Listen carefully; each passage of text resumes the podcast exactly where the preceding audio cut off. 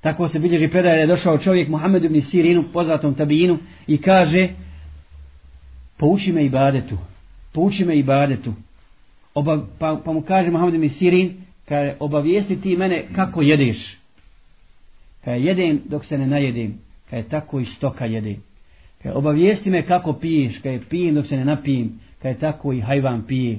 Idi kaže kući pa prvo nauči kako se jede i pije, pa onda dođi da te poučim ibadetu da te poučim kako se, kako se ibade. Dakle, samo zbog jedne stvari koji je primijetio kod njega, prejedanje i napijanje, dakle, korištenje dunjaločkih užitaka do maksimuma, ne zna im se granica i ne zna im reći ne tim dunjaločkim izazovima. Zato su učenjaci preporučili za jačanje srca i za čišćenje srca i za liječenje srca nekoliko stvari, pa kažu to je učenje Kur'ana s razmišljanjem. Ne učenje samo Kur'ana, nego učenje Kur'ana s razmišljanjem. Zatim, prazan stomak, to je ono što pomaže da čovjek, da čovjek čisti svoje srce i da više razmišlja o ahiretu, o Allahu Đalešanuhu. Zatim, kijamu lejl, noćni namaz.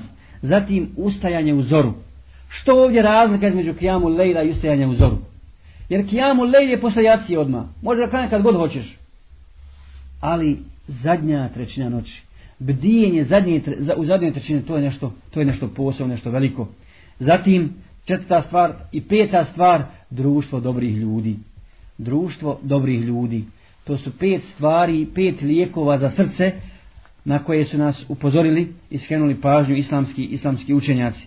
Zato molim Allaha Đelešanuhu da ovo što smo čuli bude za nas od koristi, da nam Allah Đelešanuhu ulije ljubav prema ibadetu, da poveća i pojača naš iman kroz ibadeta, posebno kroz naši namaz i da primi naše dove, naš istikfar, da popravi naše stanje, da nam oprosti grijehe, da nas udruži u džennetu s poslanikom sallallahu alejhi ve sellem i njegovim ashabima i onima koji su nas pretekli dobro.